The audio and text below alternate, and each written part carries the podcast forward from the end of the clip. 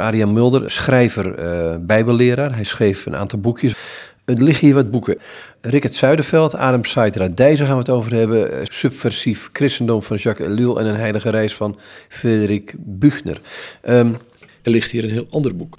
Dit is Japans. Wat, wat, is dit? Een prachtige kraanvogel voorop, maar dat verwacht ik wel een beetje bij, eh, bij een Japans, uh, Japanse kunstenaar. maar wat is dit? Um, dit is een boek met platen. En een boek met platen van Hiroshige. En ik, ik heb nog wat meer van die platenboeken in de kast staan van die Japanse houtdruk. Uh, blokdrukken zijn dat. Dus dat ze eerst een tekening maken, die op het hout overbrengen en dan het hout uitsnijden. En dat dan afdrukken. En om dan meer kleuren te krijgen, moeten ze dus vaker snijden. Weer een nieuwe plaat, of die plaat verder uitsnijden en dan weer drukken. En ze kunnen daar zelfs, uh, hoe noem je dat, uh, degradés op aanbrengen. Hè? Dus dat het een beetje van licht naar donker gaat. Dus dat is een hele verfijnde techniek. En vooral in de, ik heb er niet veel verstand van hoor. De, zo klinkt het misschien even, maar dat is niet zo. Ik hou er gewoon van. Ik vind het prachtig om te zien. En het is zeg maar, vooral in de, in de 19e eeuw, waren er een paar hele grote kunstenaars die ja, van die hele mooie platen maakten. En dit is, dit is, vind ik, een heel bijzonder boek. Dit zijn allemaal stadsgezichten van Hiroshige. Die heeft dan zo'n zo'n 100 stadsgezichten op Edo, wat, wat nu Tokio is, geloof ik. In ieder geval van zo'n zo'n beginnende stad uit die tijd. En uh, die zijn zo mooi in, in compositie, in kleur en zo. Dus dat boek ligt hier in de kast. Dat haal ik gewoon letterlijk af en toe uit de kast. En leg ik het open. Het zit in een soort, soort band die ook op heel Japanserig met uh, een soort houtje-touwtjesluiting uh, dichtgemaakt wordt. En dan haal ik dat, dat, binnenwerk eruit en dat leg ik open. leg ik één plaat open en dan zit ik daar gewoon tien minuten, een kwartier naar die plaat te kijken. Naar de kleuren, naar de compositie. Naar, nou zit ik gewoon te genieten. Dat is gewoon lekker genieten. Laat mij eens meegenieten. Nou, ik zal hem eventjes eentje openleggen. Ik heb nu hier een plaat voor me. En um, dan zie je een man op een vlot in een rivier. Maar op de voorgrond zie je nog een klein stukje gras en een halm. En bovenin de plaat, ook weer op de voorgrond, zie je nog wat een tak met wat fijne blaadjes en een soort, soort bloemen erin. En in de verte zie je langzamerhand het landschap verdwijnen en in een soort rode streep op de horizon verdwijnen. Dus dat is heel precies gecomponeerd. gecomponeerd. Je hebt iets dichtbij, je hebt in het centrum van je aandacht heb je die man op dat vlot. En daaromheen, dat wordt helemaal vastgehouden door die compositie als het ware, de, waar overal iets te zien is. En dan zie je heel in de verte zie je nog een vogel, een kraanvogel waarschijnlijk, of zo'n soort vogel, zie je dan wegvliegen en die, uh, die maakt het dan ook met zo'n heel subtiel detail, maakt die plaat weer heel levendig. Nou, dan kan ik rustig een kwartiertje naar kijken hoor, naar al die blaadjes, hoe fijn dat getekend is. Allemaal uitgesneden dus, hè, in hout en gedrukt. Is het nou dat voor elke kleur dat het hout een, een nieuwe laag weggesneden moest worden? Ja, iedere kleur is, uh, is dus een aparte bewerking. Je hebt tegenwoordig ook nog mensen die dat doen hoor. Ik heb een keer in, in Drenthe zit zo iemand die maakt ook van die hele mooie gewoon natuurdingen. En dan heb ik gezien hoe die dat doet. En dan iedere keer weer zo'n laag eruit. Dat is heel precies werk. En, maar heel knap als je dan zo'n levendig beeld uh, kan neerzetten. En want het wordt gewoon, het is een plaatje, maar het wordt meer hoe moet ik dat nou zeggen? Het wordt gewoon meer dan wat je ziet als het ware. Er zit heel veel suggestie in, heel veel diepte, heel veel ruimtelijke werking. Ander boekje wat hier ligt is van Rickert Zuiderveld, Adam zaait radijzen. Ja, leuk hè, die man die maakt muziek hè, al tientallen jaren, prachtig echt. En die heeft nu een aantal sonnetten geschreven. Dat is leuk hè, zo'n zo'n vaste vorm waarin je dan alles kwijt moet. En uh, dat is heel knap, doet hij heel mooi. Het is ook wel een, uh, hij schrijft eigenlijk tussen zoals hij zelf is, zeg maar, gewoon ontspannen, makkelijk en ook woorden als gezeik gebruikt hij gewoon, weet je wel, spreektaal. En tegelijkertijd laat hij heel diepe beelden zien. Dat vind ik heel knap. Op de achterkant staat een heel mooi sonnet. Ja, over Abraham. Het zijn allemaal bijbelse figuren hè, die hij hier uh, in sonnetten beschrijft. Ja, prachtig. Dan zie je, zonder dat hij het heel erg expliciteert, zeg maar, legt hij gewoon een aantal beelden over elkaar heen. En terwijl je leest over Abraham, zie je ineens iets heel anders verschijnen. Kun je het voorlezen? Ja. Abraham. Het is weer lammertijd. Het jongvee blaadt en springt en dartelt zinderend van leven. Zo ook de zoon, die u mij hebt gegeven. Hij rent, zich niet bewust van enig kwaad, met op zijn rug een stapel takkenbossen, gehoorzaam naar de berg die ik hem wijs. Maar waarom hij? Of ik? En welke prijs, welk offer is genoeg om te verlossen? bloed moet er vloeien. Zoveel is wel zeker. Maar niet mijn jongen. Laat toch deze beker aan mij voorbij gaan. Doods en doodsbenauwd buig ik mijn kop. Durf bijna niet te vragen. Zoek toch een lam dat deze last kan dragen. Geen vader legt zijn zoon ooit op het hout. Hier word jij stil van. Ja, ik weet niet of ik het zo mooi kan voorlezen, maar ik vind het wel heel prachtig. Want je leest over Abraham. Het verhaal, overbekende verhaal, wordt heel beknopt, heel beeldend, heel persoonlijk neergezet. En ineens zie je Jezus, zie je God die zijn zoon uh, offert en op het hout legt. Zonder dat hij het benoemt. Ja, dat is mooi hè. De, de titel van het boekje is Adam zaait radijzen. Um, dat is ook al zo net wat erin staat. Ja, het begint met Adam. Het gaat netjes van vooraf uh, door de Bijbel heen. En het begint bij Adam en dan zie je inderdaad, wat wordt er over hem gezegd? Wat ik hier zo al doe, ik gras daar rond, verspeen de jonge sla, ik zaai radijzen, benoem de dieren die hier paarsgewijze voorbijgaan aan mijn prevelende mond. Dus daar komen dat zaaien van die radijzen voor. Je ziet hem in de hof uh, gewoon lekker bezig. Waarom lees je zo'n boekje? Ja, gewoon omdat het mooi is. Gewoon uh, het genieten, hè? de kunst van het genieten.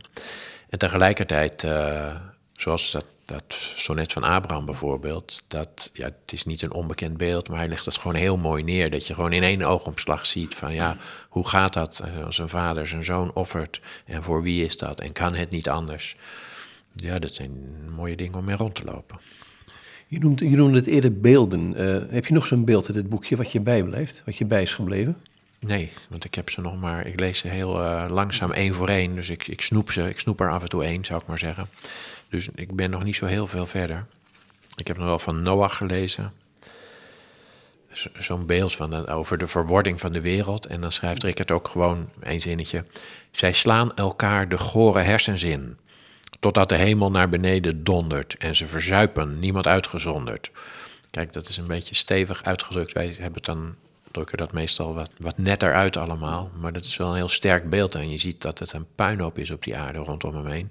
Terwijl die arme Noach maar aan, die, uh, aan het ploeteren is om die, uh, die enorme boot te bouwen. Kun je dat ze net voorlezen? Ja hoor. Dit is het moeilijkst. Ziende blind te blijven. Horende doof voor al het stomme zeik van schamperaars die bol staan van gelijk en arme timmerlui tot wanhoop drijven. Het was die vreemde stem toch zo vertrouwd, die mij in dit ontaarde hout doet zagen. Ik zwijg terug. De rugpijn zal ik dragen, het lot van wie aan dromenboten bouwt. Zij slaan elkaar de gore hersens in, totdat de hemel naar beneden dondert en ze verzuipen, niemand uitgezonderd. Ik neem het hout weer op, bijt op mijn tanden.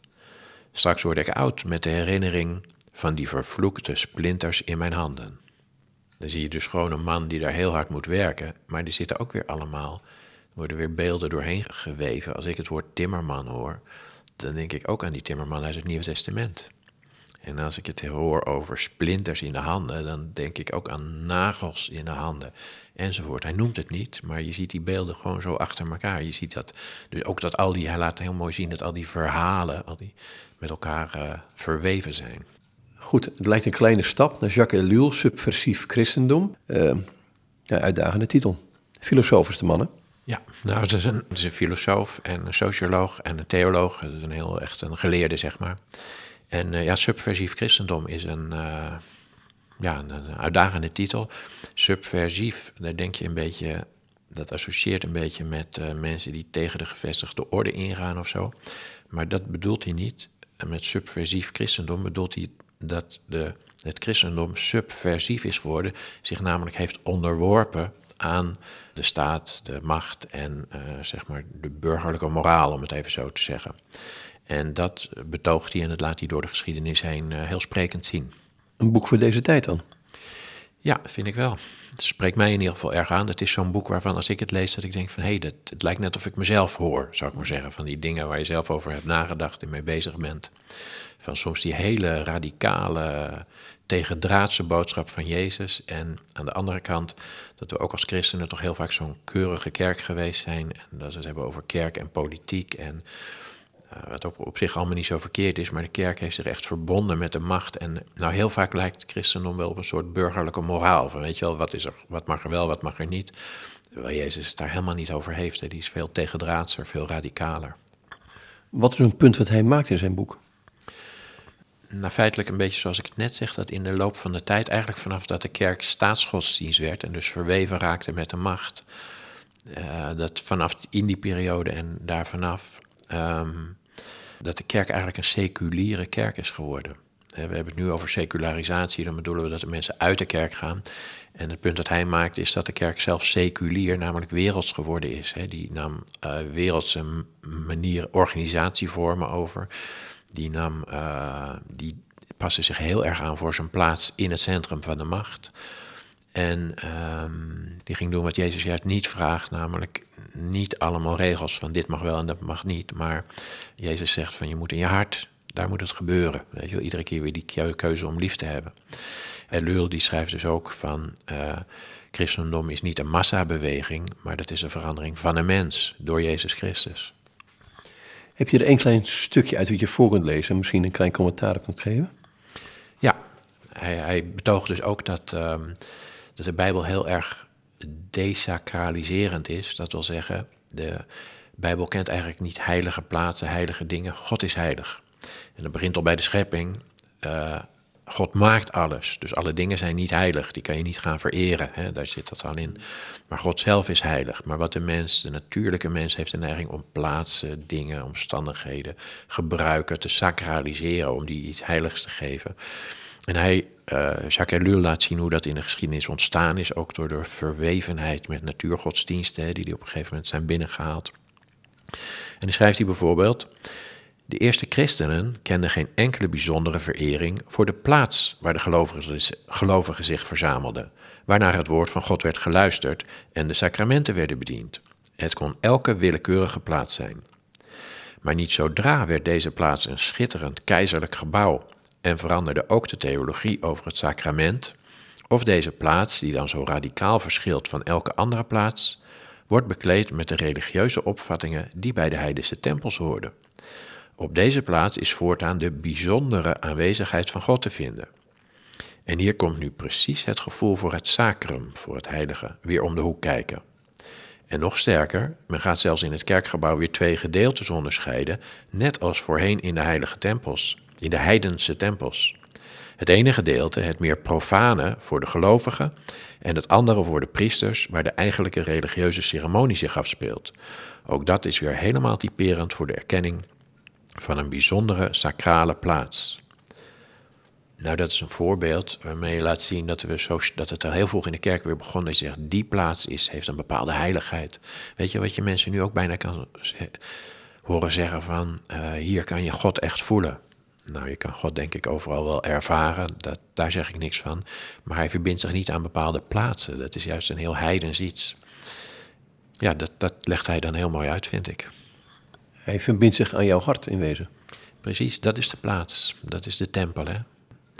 Dat is ook best belangrijk hoor. Net zoals nu, uh, ja, ik haal er eventjes iets actueels bij. Hè. Zoveel kerkgebouwen die niet meer als kerk gebruikt worden. En waar dan een heleboel weerstand tegen bestaat dat die anders gebruikt worden of dat ze afgebroken worden. Voor mij zou de weerstand zijn het verdriet uh, dat er steeds minder mensen zijn die geloven. Dat is het nare. Maar de kerk is alleen maar een verzameling stenen. Dat is niet een heilige plaats. De heilige plaats. God is heilig. En als hij in ons hart woont, in ons leven is, dan is ons leven en ons hart wordt heilig. Maar een kerk is een verzameling stenen. En uh, het is niet mijn bedoeling om daarmee mensen op het hart te trappen, zeg maar. Want met die verzameling stenen, daar kan je een hele sterke band mee hebben. Daar heb je geboorte en overlijden en doop en avondmaal gevierd, weet je, al die dingen. Dus je hebt daar hele sterke emoties bij. Net zoals, bij, uh, zoals je dat bij je eigen huis kan hebben. Maar het is niet een sacrale plaats waar God meer is dan op een andere plaats. Je zegt in wezen dus, als je zegt van um, een kerk is niet, een, een, het, het, gaat niet om het gebouw, alhoewel het, het gebouw kan heel gewijd zijn aan God. Um, maar het gaat om de mensen, het gaat om Gods, inwoning in ons. Ja, dat is waar het iedere keer om gaat. Hè. Daar gaan ook al die, al die verhalen en al die dingen die Jezus zegt, die gaan daarover. Maar wij hebben nu helemaal heel erg de neiging om, om aan voorwerpen en dingen een, een sacrale betekenis te hechten. En zo'n man als Erdul, die, die onderscheidt dat heel scherp. En die laat dat dan in de geschiedenis, laat hij zien hoe dat ontstaan is, hoe dat geworden is. En dat vind ik heel mooi voor de herkenbaarheid, want dan kan je dus goed bij jezelf ook zien dat je denkt van, oh ja, je, die, die neiging hebben we om, om, om dan dingen heilig te verklaren. Maar dingen zijn niet heilig. God is heilig. En als God erbij is, worden dingen ook vaak heilig. Nou, zo kan je het wel zeggen, hè? Op, op dat moment zou ik maar zeggen. Dus uh, ja, maar het gaat altijd dan om de aanwezigheid van God. En bijvoorbeeld als je op een bepaalde plaats iets bijzonders hebt meegemaakt, of, of in de Bijbel, hè, dan, dan, dan zijn er bijzondere plaatsen. Bijvoorbeeld waar Jacob dan in, in Bethel, hè, waar die bijvoorbeeld die ladder met die engelen gezien heeft. Dan kan je dan later terugkomen en daar een soort uh, bedevaartsplaats van maken. Maar dan is die plaats niet meer heilig. Niet in bijbelse zin. Hij was heilig toen God zich daar openbaarde, toen die engelen zichtbaar werd, toen God een droom gaf aan Jacob en tegen hem sprak. En, maar daarna hebben wij dan menselijk de neiging om daar, je, zetten we een beeld neer en dan kunnen we kaarsjes branden en zo. En uh, dan maken we daar een heilige plaats van. Moet je dan de moed hebben om weer terug naar de Bijbel te gaan en eigenlijk te herbronnen voor jezelf. En, en eigenlijk los van al je vooroordelen weer een keer te gaan kijken, wat zegt de Bijbel nou? Ja, dat is wel iets in ieder geval wat ik zelf heel erg belangrijk vind. Dat moeten we ook durven. En ik, ik, zal, ik moet eerlijk zeggen, ook bijvoorbeeld bij dat avondmaal, de ontdekking van het avondmaal. Ik geef al jarenlang bijbelstudie en ik preek. En ik heb daar zelf ook gewoon, we, we praten elkaar na. En dat heb ik zelf ook heel lang gedaan. En had gedacht van, nou ja, dat zijn, zo is het. Maar als je dan, toen had ik een aanleiding om terug te gaan naar de Bijbel. En dan, dan zie je dat er eigenlijk nog weer zo, dat het er zo helder staat dat je er niet omheen kan. Maar dan moet je wel een beetje durven, ja. En ik merk ook, dat merkte ik toen bij mezelf en ik merk ook overal waar ik nu die studies geef, dat uh, sommige mensen die worden in één keer heel erg blij ervan. Die zeggen, nee, maar het staat er inderdaad gewoon, het is een feest en ik ben vrij en ik mag het altijd vieren met iedereen.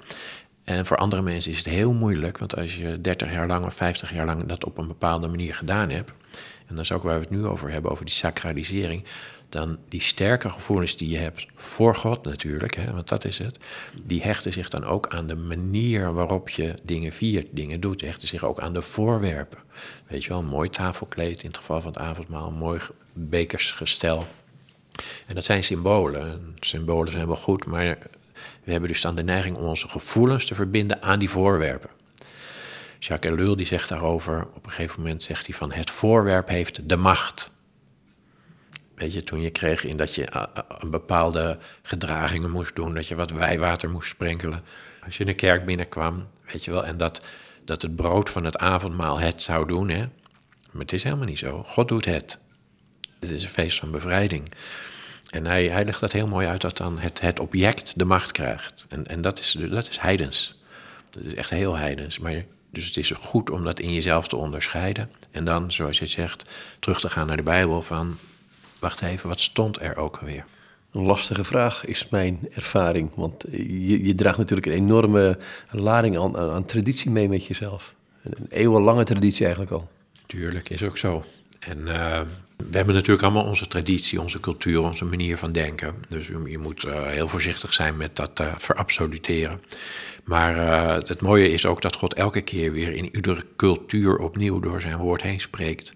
En het is ook normaal dat we in iedere tijd en cultuur weer opnieuw moeten verwoorden wat God door zijn Bijbel tegen ons zegt. Frederik Buchner, hè? Een heilige reis. jij zit tegen mij, ken je dat? Dat moet je lezen. Ja, dat vond ik zo prachtig.